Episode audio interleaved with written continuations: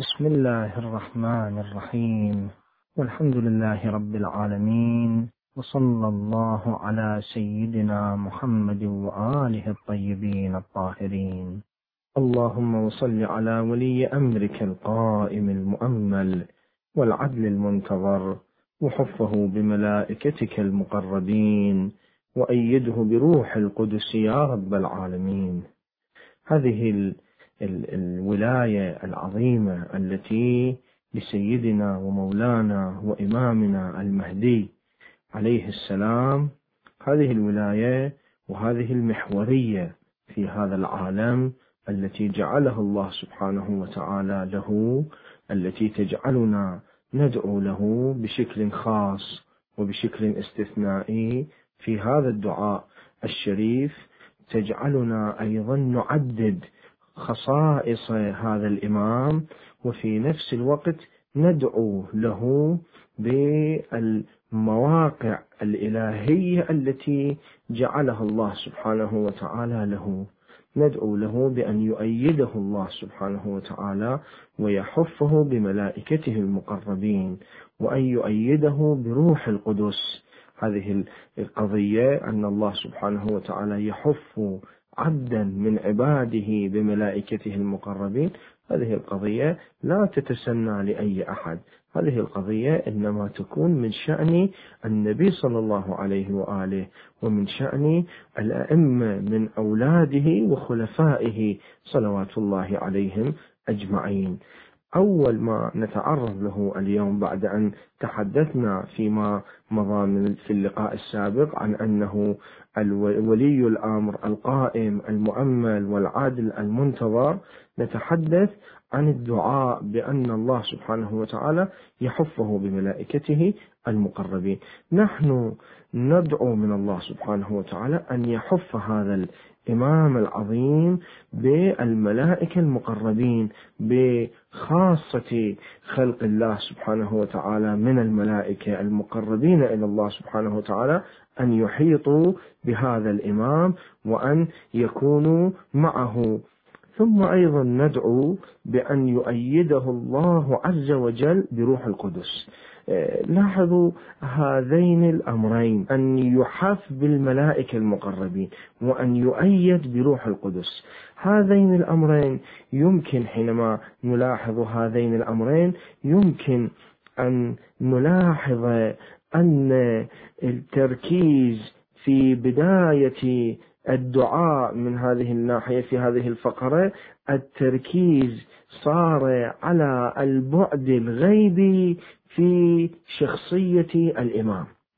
وهذه المسألة تحتاج إلى شيء من التوقف والإمعان من أجل مزيد من التعرف على حقيقة إمامنا ومن أجل مزيد من التعرف على حقيقة قدوتنا نحن لأننا كأتباع لهذا الإمام وكمؤتمين بهذا الإمام ينبغي أن نتجه بنفس المسار الذي يمكن أن نختطه من خلال الخصوصيات التي يحملها هذا الإمام حينما نقتدي به حينما نتأسى به حينما نأتم به. هذا الجانب في الحقيقة في كل إنسان. وليس فقط في شخصيات النبي صلى الله عليه وآله والأئمة من أهل البيت والأنبياء والمرسلين. في كل إنسان بعدان. بعد يرتبط بالجوانب التي ترتبط بعالم الدنيا وعالم المادة وعالم هذا الخلق. وجانب آخر يرتبط بعالم الروح وعالم المعنى. وفي الحقيقة الذي يميز الإنسان عن غيره هو هذا البعد الخاص البعد الذي يرتبط بعالم المعنى بعالم الروح هو هذا هو هذا الذي به يتمايز الإنسان حقيقة، هو هذا الذي يميز الإنسان عن غيره من الكائنات الحية من الحيوانات وأمثالها مما نشهده في هذه الدنيا. هذا الجانب في شخصية الإمام هو الجانب الأساس في الحقيقة.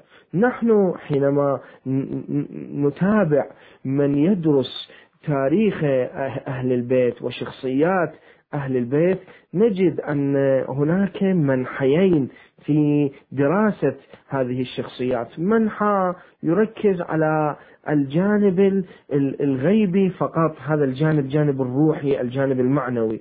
ومنحى يركز على الجانب الاجتماعي ودور هؤلاء ال ال هذه الشخصيات وهؤلاء العظماء من الناس دورهم في خدمة هذا المجتمع وتطوير هذا المجتمع وتقدم هذا المجتمع.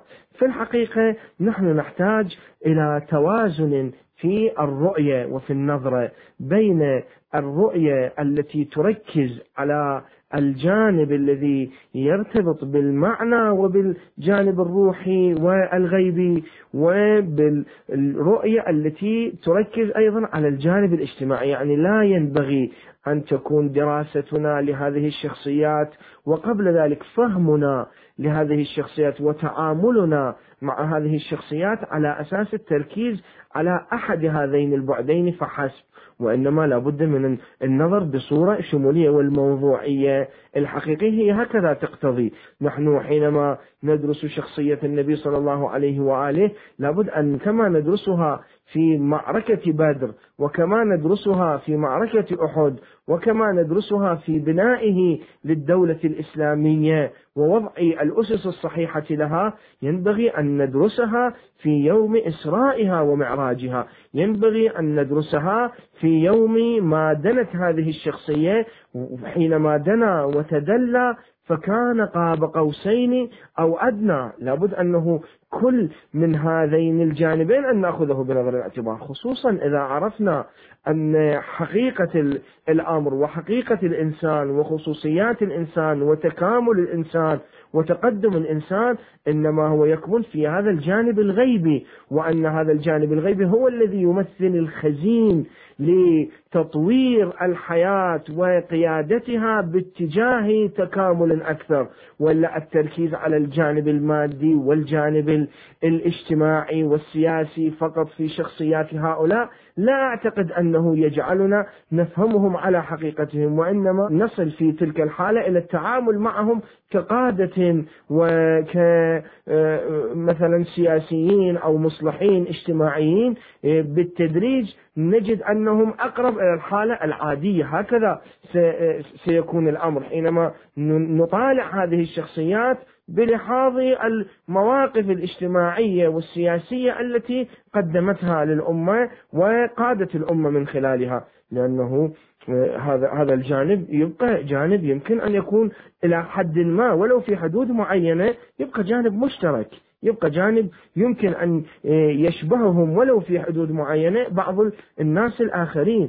أما هذا الجانب الذي به يرتقون إلى السماء وبه يرتقون إلى المصاف في قرب الله سبحانه وتعالى هذا الجانب هو الجانب الحقيقي. أول ما يبدأ هذا الدعاء يبدأ يركز على هذا الجانب. بعد ذلك ستجدون أنه يركز على ما يقدمه الإمام المهدي عليه السلام خصوصا حينما يظهر ما يقدمه الإمام المهدي عليه السلام إلى الأمة وما يمثله شخص إمام زماننا الإمام المهدي عليه السلام ما يمثله شخصه في الأمل المنتظر والمعد لإصلاح أحوال هذه الأمة وتقدم هذه الأمة وتطور هذه الأمة باتجاه الأهداف الصحيحة لها. فأول نقطة لابد أن نأخذها بنظر الاعتبار هي هذا الجانب الغيبي لأنه هو نقطة الارتكاز الحقيقية التي ننطلق منها في معرفة هذه الشخصيات العظيمة. نقرأ. فيما نقرأه من النصوص الشريفة التي حدثتنا عن روح القدس. نقرأ عن الإمام الصادق عليه السلام أنه قال للمفضل يا مفضل إن الله تبارك وتعالى جعل في النبي صلى الله عليه وآله خمسة أرواح. روح الحياة فبه دب ودرج. وروح القوة فبه نهض وجاهد. وروح الشهوة فبه أكل وشرب وأتى النساء من الحلال وروح الإيمان فبه آمن وعدل وروح القدس. لاحظوا حتى روح الإيمان الذي به يؤمن وبه يعدل هذا يبقى أمر مشترك بينه وبين عامة الناس. ولكن روح القدس يقتده حمل النبوة. فإذا قبض النبي صلى الله عليه وآله انتقل روح القدس فصار إلى الإمام وروح القدس. ما هي حقيقة هذا الجانب في شخصية النبي صلى الله عليه وآله في شخصية الإمام عليه السلام. فإذا قبض النبي صلى الله عليه وآله انتقل روح القدس. فصار إلى الإمام وروح القدس. لا ينام ولا يغفل ولا يلهو ولا يزهو لا لا يكون عنده حالة زهو بنفسه. والأربعة الأرواح الأرواح السابقة التي أشار إليها تنام وتغفل وتلهو وتزهو. وروح القدس كان يرى به ملكوت السماوات كان يرى به الحقائق. فهذا البعد في شخصية الإمام هو الذي يمثل الخصوصية التي يمتاز بها الإمام والتي ورثها من النبي صلى الله عليه وآله. الخصوصية التي يمتاز بها الإمام عن غيره من الناس العاديين. وأيضا في هذه القضية ليست واردة في خبر من الأخبار. حينما يراجع الإنسان الكتب الروائية الحديثية التي تتحدث عن هذه القضية يجد أن ما يقرب من سبعين حديثا قد أشارت إلى مسألة روح القدس وإلى هذه القضية الحساسة ويمكن أن نراجع ما كتبه الشيخ المجلسي رضوان الله عليه حينما يقول يقول الأخبار المستفيضة الدالة على أنهم مؤيدون بروح القدس. إلى هذا الحد. يعني هذه الأخبار أخبار مستفيضة. حينما يقرأها الإنسان ويطالعها يطمئن بأنها صادرة حتى لو لم تكن أسناد كل واحد واحد منها تامة. وإن كنت لاحظت بعضا منها كانت أسنادها صحيحة ومعتبرة على القياسات التي يتعامل بها الفقهاء في تصحيح الأسناد. وأيضا في كلمات الشيخ المفيد في اعتقادات الشيخ المفيد في كتابه الاعتقادات أيضا يذكر هذه القضية. يقول واعتقدنا في الأنبياء والرسل والأئمة عليهم السلام أن فيهم خمسة أرواح. لاحظوا يكرر مضمون الرواية إلى أن يصل يقول وروح القدس. أيضا يتحدث عن روح القدس وأيضا آه، يشير يقول أن الروح الذي ورد في القرآن الكريم ويسألونك عن الروح قل الروح من أمر ربي أو الروح الذي ينزل في ليلة القدر تنزل الملائكة والروح فيها بإذن ربهم من كل أمر. يقول هذا شيء آخر غير روح القدس. هذا خلق أعظم من جبرائيل وميكائيل. على أي على أي حال على أي تقدير؟ إذا نحن حينما نلاحظ هذه القضية نعرف مسألة أساسية في شخصيات أئمتنا صلوات الله عليهم. وأنا إنما أركز على هذه القضية لأني أجد مع الأسف بعض الجفاء في دراسة شخصيات هذه المجموعة من الناس الذين امتازوا بالأصطفاء الإلهي بشكل خاص. آه، شخصية النبي صلى الله عليه وآله وشخصية الأئمة من أهل بيته. فحينما نعرف هذه الشخصيات في الحقيقة لا نعزلهم عن المجتمع وإنما هذه الشخصيات حينما يكون لها هذا العمق في القرب من الله يكون دورها في المجتمع ودورها في تطوير هذه الحياة الدنيا دورا أكبر وأكثر. اللهم وصل على ولي أمرك القائم المؤمل والعدل المنتظر وحفه بملائكتك المقربين. وأيده بروح القدس يا رب العالمين. حينما تتم هذه الفقرة من الدعاء ينتقل الدعاء ليتحدث عن آه، مطالب يقدمها العباد بين يدي الله سبحانه وتعالى لإمام زمانهم. هذه المطالب ليست تتعلق بهم شخصيا وإنما هي مطالب وأمنيات يتمنونها ويدعون بها لسيدهم ومولاهم وإمامهم. الإمام المهدي عليه السلام. أول ما يذكر بعد هذه الفقرة اللهم اجعله الداعي إلى كتابك والقائم بدينك. نحن في اللقاء السابق أشرنا إلى أن خصوصية الإمام وميزة الإمام في البعد الغيبي من شخصيته هو هذه القضية هو احتفاف الملائكة المقربين به وتأييده بروح القدس. وهذان الأمران حينما افتتحت بهما الأمنيات التي نتمناها لإمامنا وسيدنا وهي في الحقيقة أمور نحن نعلم بأنها موجودة في الإمام عليه السلام ولكن نطلبها من الله سبحانه وتعالى لعل ذلك لمزيد تأكيدها وحضورها عند الإمام ولأن هذه الأمور هي من الأمور التي لها مراتب ومن الأمور التي فيها درجات وليست هي درجة واحدة. نحن حينما نطلب ذلك من الله سبحانه وتعالى قد يساهم دعاؤنا في تقدم هذا الأمر وفي تطور هذا الأمر.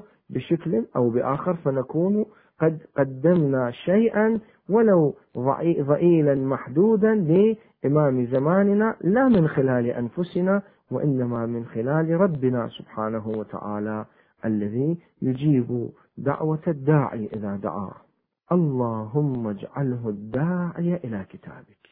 بعد أن يركز على ذلك الجانب الغيبي في شخصية الإمام أيده بروح القدس يأتي الآن نتبين من خلال هذه الفقرات التي سنقرأها إن شاء الله تدريجيا. نعرف دور الإمام في الجانب الذي يربط بين عالم الغيب وعالم المادة لاحظوا هذه النقطة من أهم النقاط.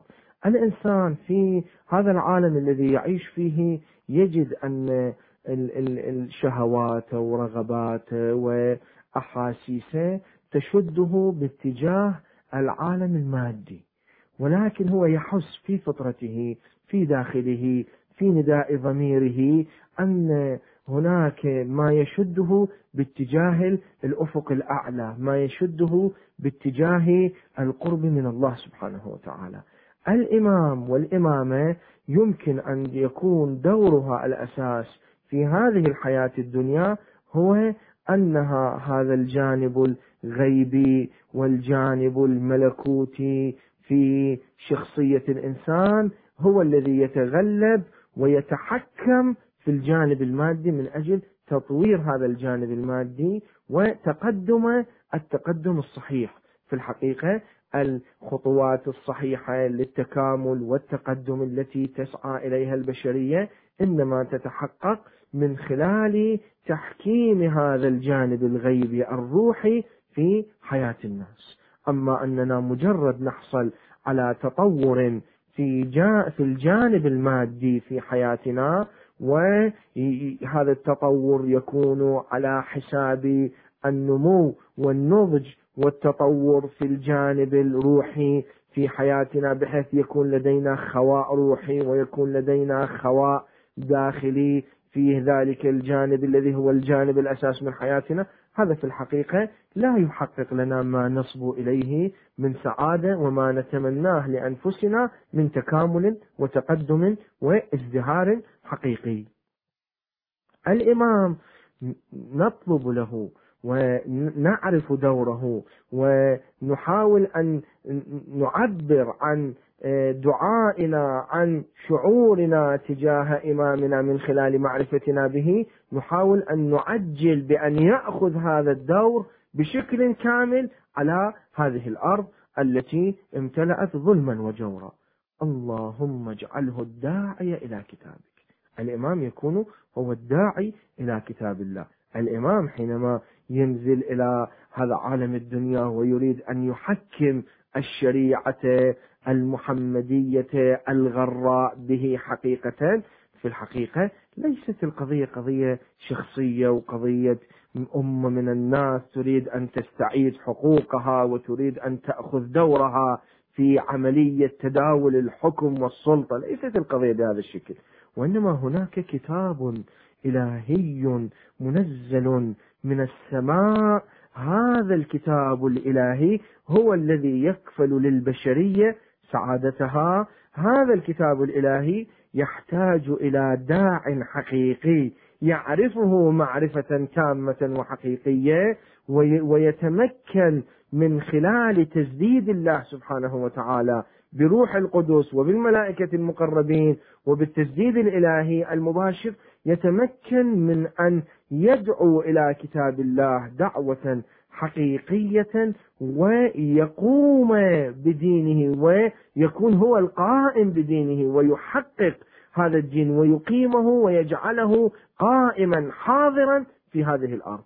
اللهم اجعله الداعي إلى كتابك والقائم بدينك. استخلفه في الأرض. يا ربي نتمنى نطلب منك ندعو إليك نتضرع إليك. أن تستخلف سيدنا وإمامنا المهدي في هذه الأرض. كما استخلفت الذين من قبله. أنت ليس آه، عجيبا أن تستخلف بعض عبادك. يبقى هنا استخلفت الذين من قبله إما أن تكون إشارة إلى الصالحين الذين استخلفهم الله سبحانه وتعالى في هذه الأرض من قبيل سليمان عليه السلام أو من قبيل بعض الأنبياء الصالحين الذين كان لهم دور في هذه الأرض وفي إصلاح وعمارة هذه الأرض. ويمكن أن تكون لها إشارة إلى مطلق الاستخلاف مطلق أن يكون هناك بعض الناس لهم قدرة في هذه الأرض ونفوذ بحيث هم يسيرون الأمور. يبقى بعض الناس حينما يستخلفون يؤدون هذه الأمانة ويحققون مقتضيات هذه الخلافة وبعض الناس قد لا يكونون بالمستوى المطلوب وإنما يخونون هذه الأمانة ولا يكونون بالمستوى المطلوب للخلافة. على أي حال يمكن أن نفهم هذه القضية بالمعنيين.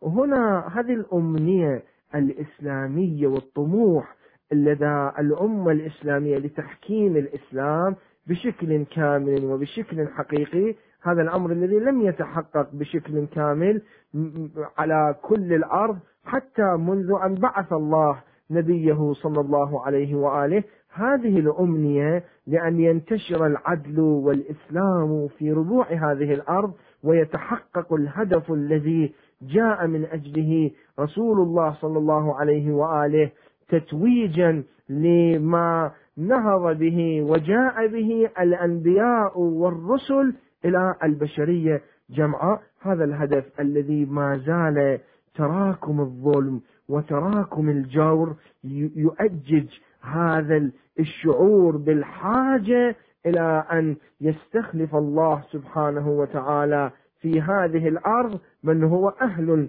ومن هو مؤهل حقيقة لهذه الخلافة هو الذي يجعلنا ندعو بهذا الشكل وبهذه الحرقة بهذا الدعاء. كلما نشهد مظهر من مظاهر الظلم في الأرض كلما نشهد مظهر من مظاهر النفاق والتزوير والتشويه للإسلام برفع شعاراته بطريقة بعيدة عن الإسلام نعيش حنينا إضافيا لذلك اليوم الموعود الذي يكون فيه الإمام المهدي عليه السلام الوريث الحقيقي للنبي صلى الله عليه وآله الداعي إلى كتاب الله والقائم بدين الله هو الذي يقيم هذا الدين في الأرض والمستخلف في الأرض واستخلفه في الأرض كما استخلفت الذين من قبله مكن له دينه الذي ارتضيته له.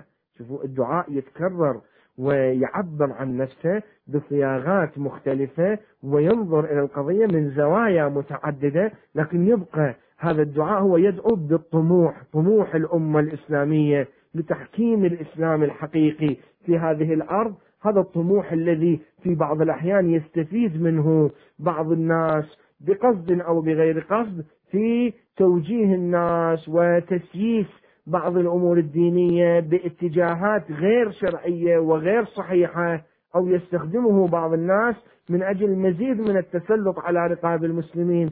أو يستخدمه بعض الناس لتحقيق نسبة من الإصلاح في هذا العالم بدرجة أو بأخرى. هذا هذا هذا الطموح يزدحم في قلب المؤمن يعتصر قلب المؤمن ويعبر عن هذا الطموح وهذا الحلم الذي ما زالت البشرية تتطلع إليه بهذه الكلمات من الدعاء. اللهم اجعله الداعي إلى كتابك والقائم بدينك. استخلفه في الأرض كما استخلفت الذين من قبله. مكن له دينه الذي ارتضيته له. بعد ثم يقول أبدله من بعد خوفه أمنا. يعبدك لا يشرك بك شيئا. كأنه هذا الإمام العظيم يعيش حالة الخوف. طبعا هذا الخوف أي خوف؟ هل هو خوف على الرسالة؟ هل هو خوف على شخصه العظيم المقدس من أن تبطش به يد الظالمين التي ما زالت تبحث عنه وكانت هي سببا من أسباب حرمان البشرية من ظهوره وبسط العدل على يديه أو أنه هو خوف مشترك بين هذا وذاك؟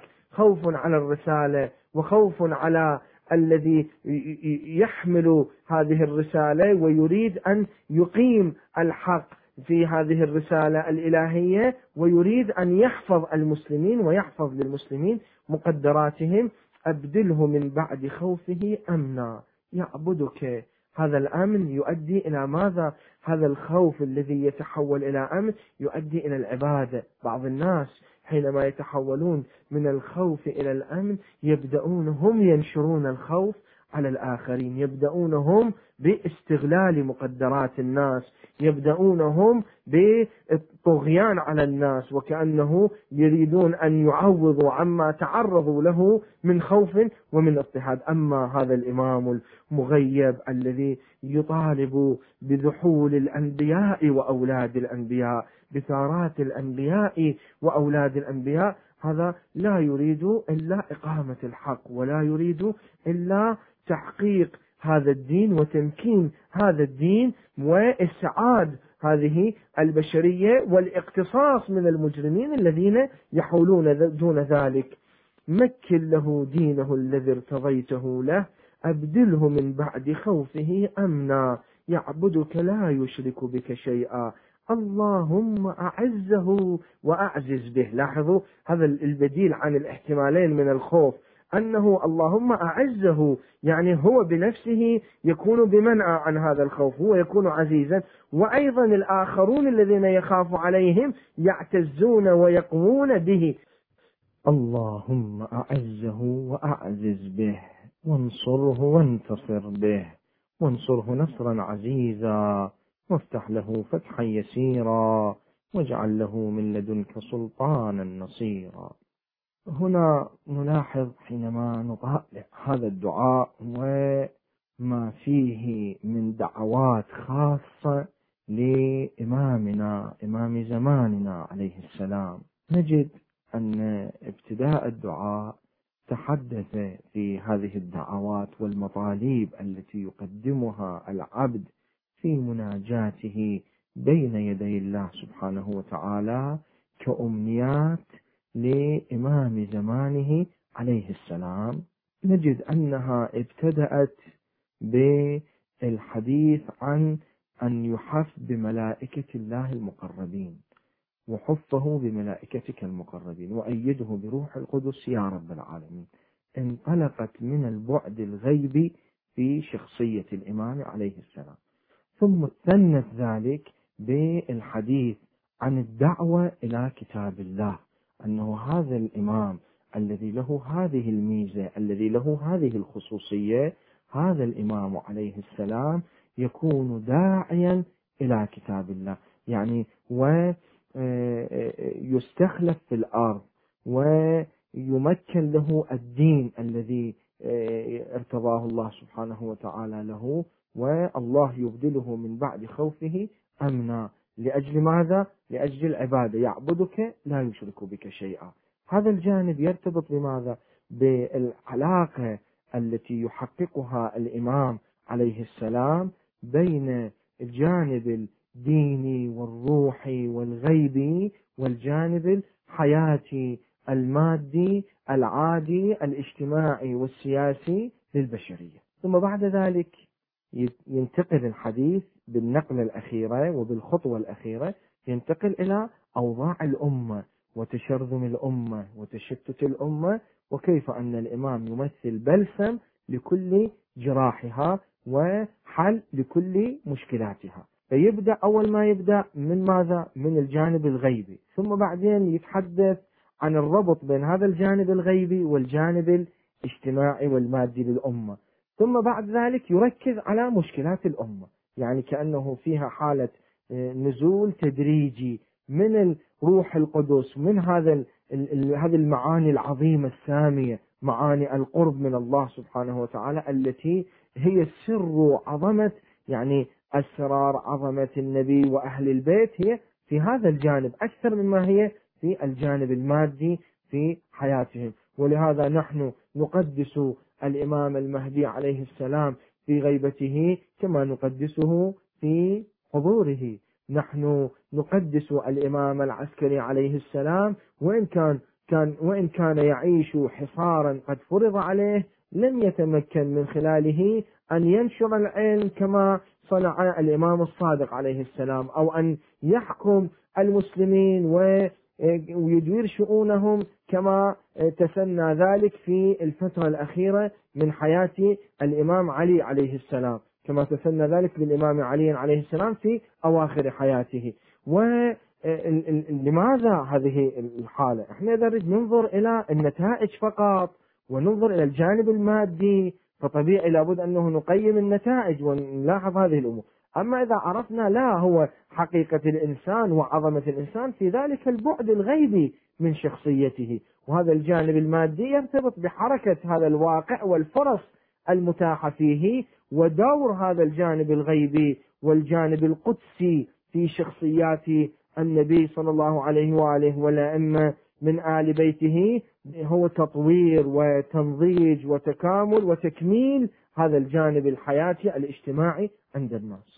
وهذه الطريقة في عرض هذه الأمنيات وعرض هذه الأدعية الموجزة المختصرة آه، في فقرات محدودة وقصيرة ومتتالية يعبر بها الإنسان عن نفثات صدره وعن تمنياته لإمام زمانه. عرضها بهذه الطريقة وهذه وهذا التسلسل هو أيضا يشير قد يشير لنا إلى تلك الحقيقة على أي تقدير. اللهم أعزه وأعزز به. نطلب العز له ونطلب أن يعز المؤمنون به. وانصره وانتصر به. نسأل الله سبحانه وتعالى النصر له. وهو وهل يليق النصر إلا به عليه السلام؟ وهل يتحقق النصر وترثرف راية الناصر إلا على رأسه وأصحابه الذين يحفون به كما تحف الأنجم الزهر بقمر الليلة الرابعة عشر بالبدر في ليلته الرابعة عشر. على أي حال اللهم أعزه وأعزز به وانصره وانتصر به وانصره نصرا عزيزا وافتح له فتحا يسيرا واجعل له من لدنك سلطانا نصيرا. الفتح الذي نتمناه له نتمنى له فتحا يسيرا. لا يكون فيه صعوبة كثيرة. دائما لاحظوا إحنا حينما ندعو نقول اللهم عجل فرجه وسهل مخرجه. هذا فتحه ونصره. نتمنى أن لا يكون فتحا صعبا مستصعبا وإنما أن يكون فتحا سهلا يسيرا. لا يكون فيه آه، آه، دماء كثيرة للمؤمنين لا يكون فيه اعتداء كثير على الحرمات من قبل أعداء الله سبحانه وتعالى وهم يخوضون معركتهم الأخيرة التي تكون بها هزيمتهم ويكون بها انتصار الحق وأهله. واجعل له من لدنك سلطانا نصيرا. هذا السلطان الذي ينصر الله ينصر الإمام المهدي يكون من لدن الله سبحانه وتعالى. لدينا في بعض الروايات أن الله سبحانه وتعالى ينصره بعيسى عليه السلام حينما ينزل. لدينا في بعض الروايات أن الله سبحانه وتعالى ينصره بالرعب أن الرعب يسير أمامه مسيرة شهر ويكون هذا الرعب يكون له أثر كبير في خذلان أعدائه. وانصره نصرا عزيزا وافتح له فتحا يسيرا واجعل له من لدنك سلطانا نصيرا. اللهم أظهر به دينك. نحن حينما نتمنى هذه الأمنيات له من أجل ماذا؟ القضية مو شخصية القضية في ما يحققه الإمام من دين ومن عظمة لذلك الدين. اللهم أظهر به دينك. الدين موجود لكن المشكلة كل المشكلة ماذا؟ أنه لا لا يظهر. هناك قوى تمنع هذا الدين من أن يظهر. وسنة نبيك. حتى لا يستخفي بشيء من الحق مخافة أحد من الخلق. بعض الأحيان أتباع الإمام المهدي شيعة الإمام المهدي حينما لا يظهرون ولا يظهرون ولا يبينون بعض الحقائق ليس ذلك لأجل أن هذه الحقائق هي قاصرة عن الظهور وإنما لأجل القمع والاضطهاد والإرهاب الذي يقوم به أعداؤهم في مواجهتهم ويتعاملون معهم بهذه الطريقة. اللهم أظهر به دينك وسنة نبيك. الإمام المهدي عليه السلام قد يكون بعض الروايات تشير إلى أنه يأتي بدين جديد ولكن الظاهر الدين الجديد يكون جديد على الناس لأنه سنة النبي صلى الله عليه وآله بسبب ما واجهته من التحريف والتحوير والالتفاف تبدو للناس كأن الإسلام كيف أنه نقرأ في بعض الروايات أن الإسلام بدأ غريبا وسيعود غريبا؟ فحينما يأتي ويجدد تلك السنة الحقيقية ويعيدها إلى الحياة يبدو للناس أنه كأنه جاء بدين جديد ولا في الحقيقة هو ذلك الدين هو دين جده صلى الله عليه وآله الذي حلاله حلال إلى يوم القيامة وحرامه حرام إلى يوم القيامة. حتى لا يستخفي بشيء من الحق مخافة أحد من الخلق. المشكلة التي يواجهها الحق في هذا العصر هي هذه القضية. أن هناك قوى لا تفسح المجال للحق أن يأخذ دورة الطبيعي تمارس معه شتى ألوان القمع والتزوير والدجل والاضطهاد والمحاولات الالتفاف بأي صيغة من الصيغ من أجل أن لا يأخذ الحق دورة في هذه الحالة. كل القوى التي تتضرر مصالحها حينما يأخذ الحق موقعه الطبيعي ويعود إلى نصابه تجد أنها تكون في مواجهة الحق وفي حرب شعواء مع هذا الحق. هذا شيء طبيعي جدا. فمن هذا من هنا إذا كان الحق محاصر وإذا كان الحق محدود من الطبيعي جدا أنه لا يتمكن أن يعبر عن نفسه بشكل كامل إلا بالتضحيات والتضحيات ما زالت مستمرة. هذا منهج أهل البيت. مع أنهم كانوا يلتزمون التقية لكن لا يلتزمون بها بشكل مطلق يؤدي إلى تضييع الحق. التقية في بعض الأحيان هي تكون من أجل الحفاظ على الحق لا من أجل تضييع الحق. ولهذا نجد أنهم في بعض الأحيان يقدمون أنفسهم قرابين على مذبح العقيدة والمبادئ والإسلام الحقيقي حينما يجدون أن الأمر يصل إلى مستوى بحيث يؤدي إلى تضييع هذا الحق الإمام المهدي عليه السلام دوره الذي نطمح إليه ندعو من الله سبحانه وتعالى أن يعجل به أنه يظهر الدين ويعيد للسنة رونقها الحقيقي حتى لا يستخفي بشيء من الحق مخافة أحد من الخلق. ثم يقول ويردد هذا الدعاء هذا الفقرة المعروفة الشهيرة التي ما زال المؤمنون يترنمون بها حتى يستجيب الله. لهم دعوتهم في بظهور الإمام المهدي عليه السلام.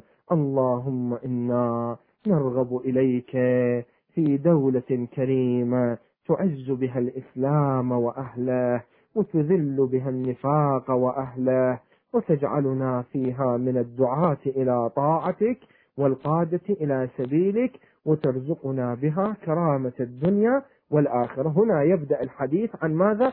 عن الأمة ومحنتها ومعاناتها. اللهم إنا نرغب إليك في دولة كريمة تعز بها الإسلام وأهله.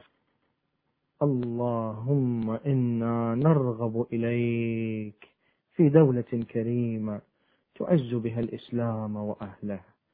في أغلب الأحيان هذا تاريخ الإنسان تاريخ الإسلام نجد أن الدولة لا تكون كريمة ولا تكون دولة تعز الإسلام.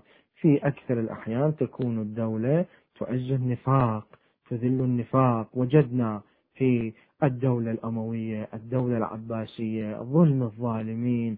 كيف حكم الناس باسم الإسلام؟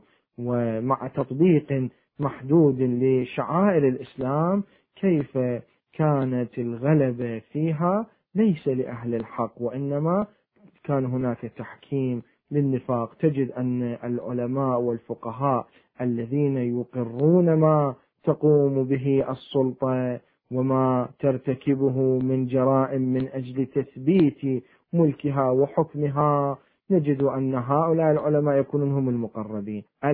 المسلمون الصالحون العاديون الذين يخضعون للظلم يكون يعني التعامل معهم شبه طبيعي. أما الذين يرفضون الظلم ويؤشرون على الأخطاء ويأمرون بالمعروف وينهون عن المنكر فهم مطاردون تحت كل حجر ومدر فنحن نتمنى من الله عز وجل. ندعو الله سبحانه وتعالى دائما أن يحقق لنا دولة كريمة. هذه الدولة نرغب بها إلى الله عز وجل.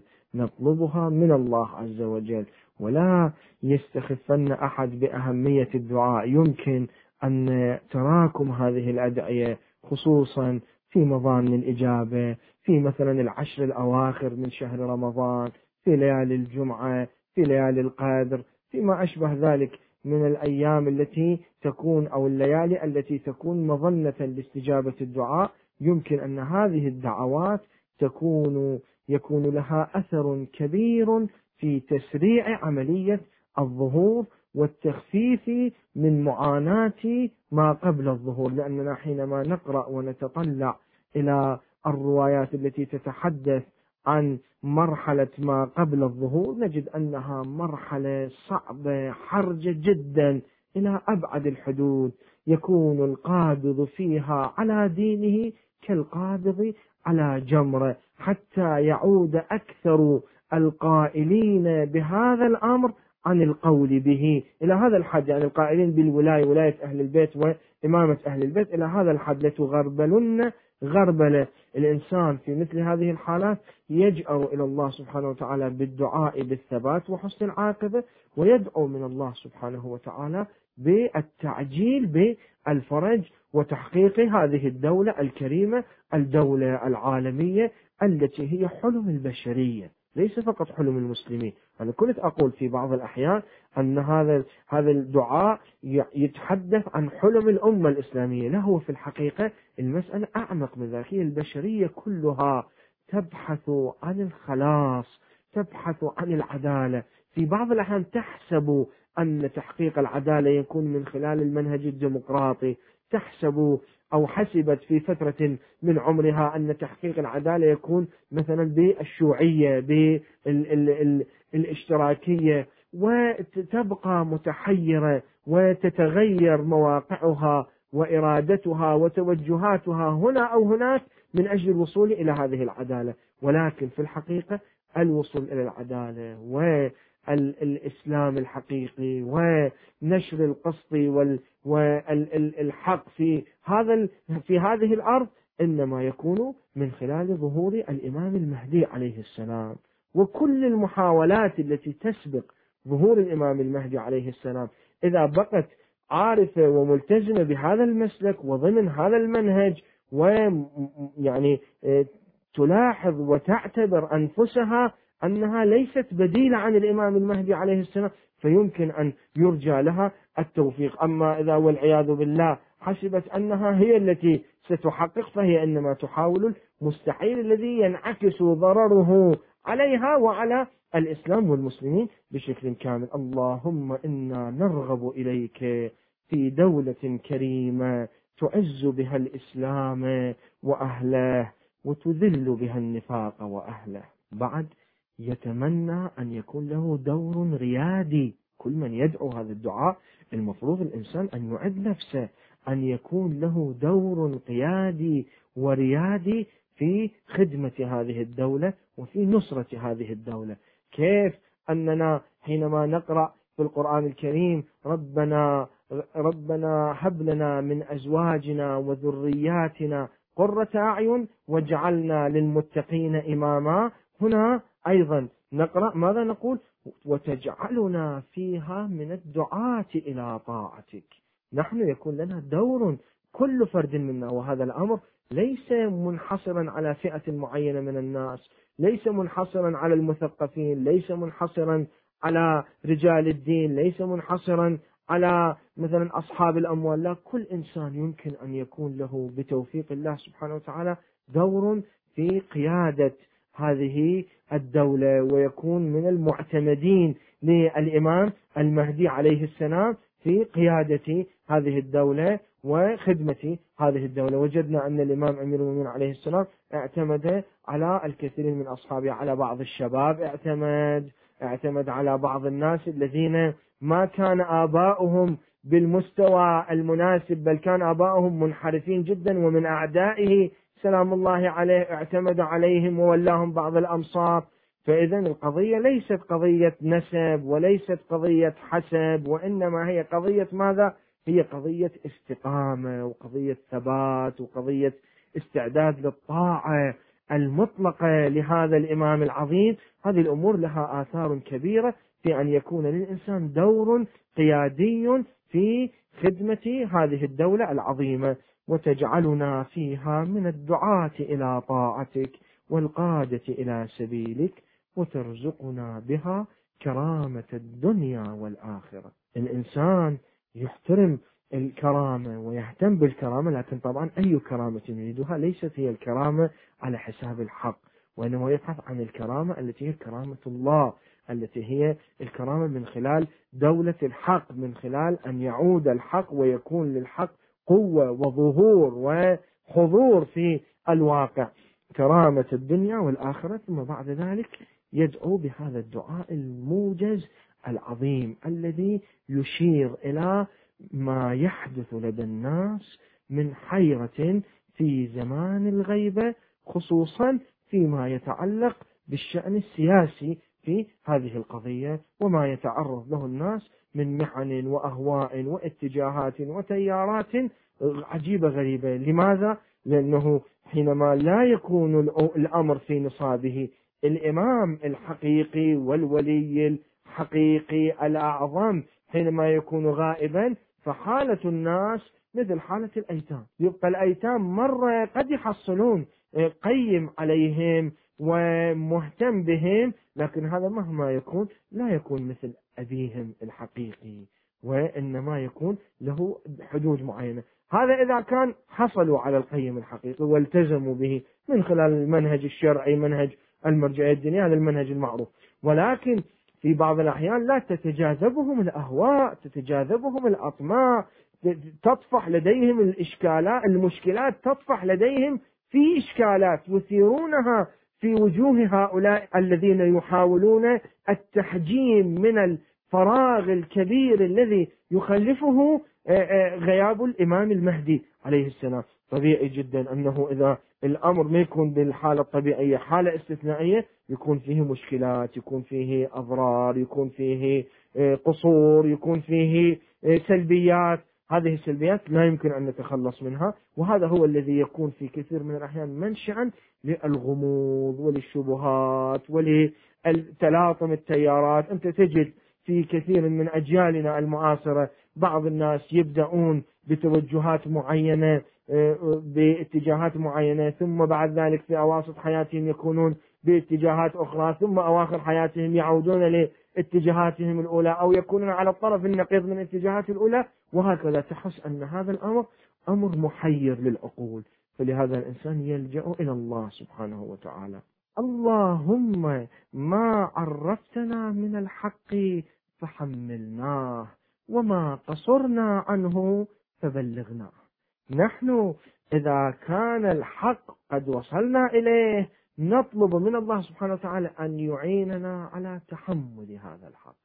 وإذا لم يكن هذا الحق قد وصل إلينا أو وصلنا إليه فنسأل الله سبحانه وتعالى أن يبلغنا هذا الحق. طبعا حينما يبلغناه ونبلغ هذا الحق طبعا في نفس الوقت حينما نبلغ هذا الحق فأيضا نحتاج إلى تحمل هذا الحق. لكن هذا التحمل أول ما طلبناه في الجزء الأول من هذه الدعوة الموجزة المهمة العظيمة.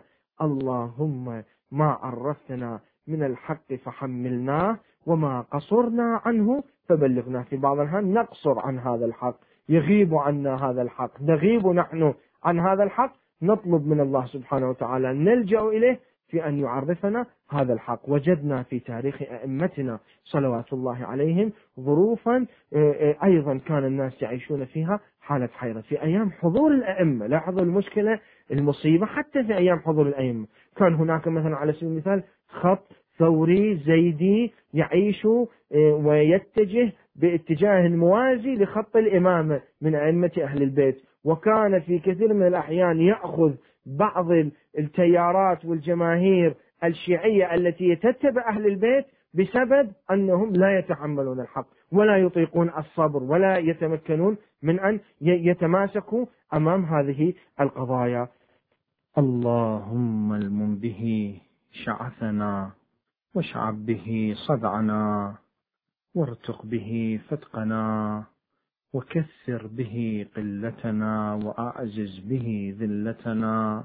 هذه الفقرات من الدعاء تبين أن المؤمنين عموما يعيشون حالة من التفرق وحالة من التشرذم وحالة من التصدع الداخلي وأنهم يطلبون من الله عز وجل أن يجمع كلمتهم وأن يوحد فرقتهم لكن هذه الوحدة وهذه الكلمة المجتمعة لا تكون بلا محور ولا تكون بلا مركز وإنما مركزها محورها هو هذا الإمام الذي جعله الله سبحانه وتعالى للناس إماما.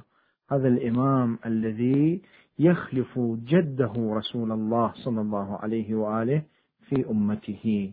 فلهذا لا نقول فقط اللهم المم شعثنا وإنما نقول, نقول اللهم المم به شعثنا.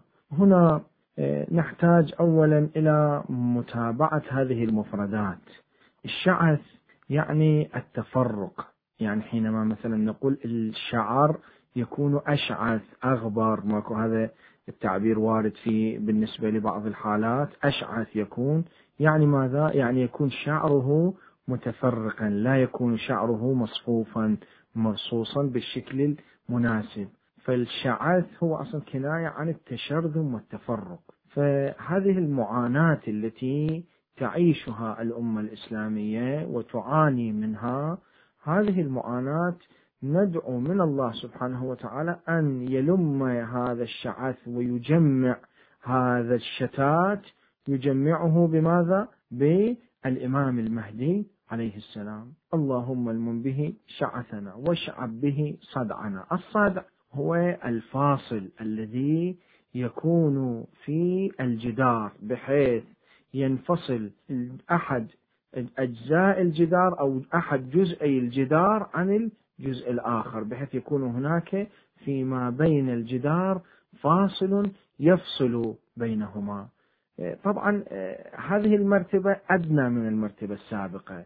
مرتبة الشعث هي مرتبة تشرذم وتفرق وكأنه لا يوجد أي حالة تجمع هذه هذه الجمع الحقيقي أن هذه الأمة التي هي يفترض بها أن تكون مجتمعة وأن هذه أمتكم أمة واحدة. هذا الاجتماع للأمة لا يكون آه، بشكل بحيث تكون ثابتة وفيها مظهر من مظاهر الاجتماع. آه، أما الصدع لا يكون هناك مظهر من مظاهر الاجتماع لكن يكون هناك انقسام في هذا الاجتماع يكون هناك فاصل.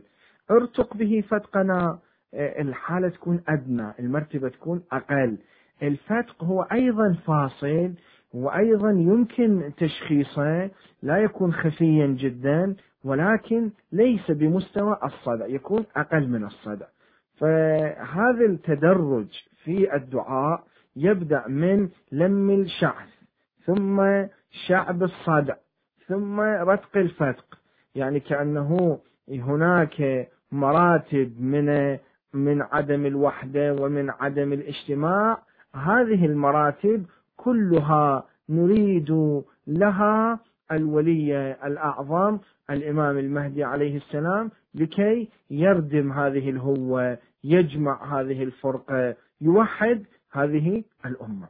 وبناء على ذلك آه، يمكن أن نلاحظ المحورية التي تكون لأهل البيت. هذه مسألة الاختلاف الموجودة في وضع الأمة الإسلامية خصوصا في هذا العصر. هذه المسألة الاختلاف مسألة لم يتركها الإسلام بلا حل وبلا مخرج وبلا مخلص. المشكلة كل المشكلة أننا في كثير من الأحيان حينما نعاني من بعض المشكلات هذا لا يعني أن أصل الإسلام كرؤية وكمنهج هو فيه نقص هو منشأ للنقص. وإنما النقص في سوء التطبيق أو سوء الفهم لهذا الإسلام بحيث لا يتمكن المسلمون من أن يجمعوا كلمتهم على الهدى والصلاح. نحن لدينا في القرآن الكريم واعتصموا بحبل الله جميعا ولا تفرقوا. هذا الحبل الممدود بين العباد وبين الله سبحانه وتعالى الذي يكون به العصمة من التفرق وبه الوحدة من الاختلاف. هذا الحبل هو الإسلام الحقيقي القرآن الكريم. لا إشكال في ذلك. يعني لا نشكك في أن القرآن الكريم يمكن أن يوحد. ولكن المشكلة كل المشكلة إيه في فهم القرآن. نحن كمسلمين نحتاج إلى قرآن ناطق يعرفنا حقائق هذا القرآن يعرفنا المراد الحقيقي من هذا القرآن يطبق لنا هذه الحقائق القرآنية بشكل سليم وبشكل دقيق. فحينما نجد أن الله سبحانه وتعالى يدعونا إلى الوحدة. في الحقيقة الدعاء إلى الوحدة أو الدعوة إلى الوحدة ليست دعوة مفتوحة على إطلاقها ومرسلة على عواهنها. يعني الله سبحانه وتعالى على أي حال يريدنا أن نتوحد. حتى لو نتوحد على الباطل هل يعقل أن يكون الأمر هكذا؟ أو أن الله سبحانه وتعالى يريد أن يجمع كلمتنا على الهدى والصلاح. يريد أن يجمع كلمتنا ويوحد مسيرتنا في الصراط المستقيم في سبيله سبحانه وتعالى الذي يمكن الوصول من خلاله إلى شاطئ الأمان شاطئ الأمان في الدنيا وشاطئ الأمان في الآخرة. ومن هنا تنشأ الحاجة إلى الإمامة. ومن هنا تنشأ الحاجة وتتبين محورية هذه الإمامة في وحدة أمور المسلمين ووحدة كلمة المسلمين ووحدة أمة المسلمين. نحن حتى لو لم تكن لدينا هذه الوحدة متجسدة وظاهرة وحقيقية في عصرنا هذا عصر غيبة الإمام الثاني عشر غيبة الإمام المهدي عليه السلام فليس لدينا فراغ في أصل الرؤية وأصل النظرية وأصل المبادئ الإسلامية هذا الفراغ هو يكون المنشأ للتفرق. لاحظوا المسألة خطيرة جدا. مرة هذه المشكلة التفرق ومعاناة التفرق تنشأ من واقعنا المرير السيء ومرة تنشأ من منهجنا. إذا نشأت من واقعنا نحن نحتاج إلى معالجة هذا الواقع. الحالة الأخطر أن البعض قد يحسب أن الإسلام هو كمنهج هو بنفسه لا يتمكن وليس فيه أطروحة حقيقية كاملة لتوحيد الأمة. نحن نقول هذا الكلام خاطئ جدا. هذا الكلام مرفوض تماما لأن الله سبحانه وتعالى حدد منهجا للمسلمين ونصب لهم أعلاما لهدايته وجعل لهم حبلا ممدودا بين السماء والأرض. يمكنهم أن يتوحدوا على أساسه ويمكنهم أن يتمحوروا حوله بشكل حقيقي لكي يحققوا وحدتهم. لكن نجد أن المسلمين لم يلتزموا بذلك. قد تقول لي لماذا غاب الإمام المهدي؟ خل يظهر بسرعة حتى تتحقق هذه الوحدة وحتى تنحل مشاكلنا. في الحقيقة هذا الكلام كلام آه، صحيح هو يعبر عن حاجة حقيقية إلى الوحدة لكن هو يبقى كلام بسيط. لماذا؟ لأن الله سبحانه وتعالى بلطفه برحمته واختبرنا اختبر المسلمين اختبر هذه الأمة وحدد لها هذا المنهج وكان الأئمة الظاهرين لأجيال وأجيال من عمر الأمة الإسلامية وهي في أوج قوتها ونشاطها ونزول القرآن عليها وقرب عصر النبي صلى الله عليه وآله منها لكن وجدنا أن المسلمين بمجرد أن غاب عنهم شخص النبي صلى الله عليه وآله بدأت معالم الاختلاف فيما بينهم. فاستمرت القضية وبقي الإمام أمير المؤمنين عليه السلام يحاول جمع الكلمة وخرج الناكثون والقاسطون والمارقون لحربه سلام الله عليه. مع أنه لا يشكك أحد في أن الإمام أمير المؤمنين عليه السلام هو خير من يمكن أن يجتمع المسلمون عليه وخير من يحقق النموذج الكامل لوحدة المسلمين. ولكن الأهواء ولكن الظالمين ولكن المضلين الذين كان لهم دور كبير في تفتيت الأمة وتفريق الأمة وتشرذم الأمة. واستمرت القضية وقتل من قتل من أهل البيت. وسجن من سجن وعذب من عذب واضطهد من اضطهد وغيب من غيب وحوصر من حوصر منهم.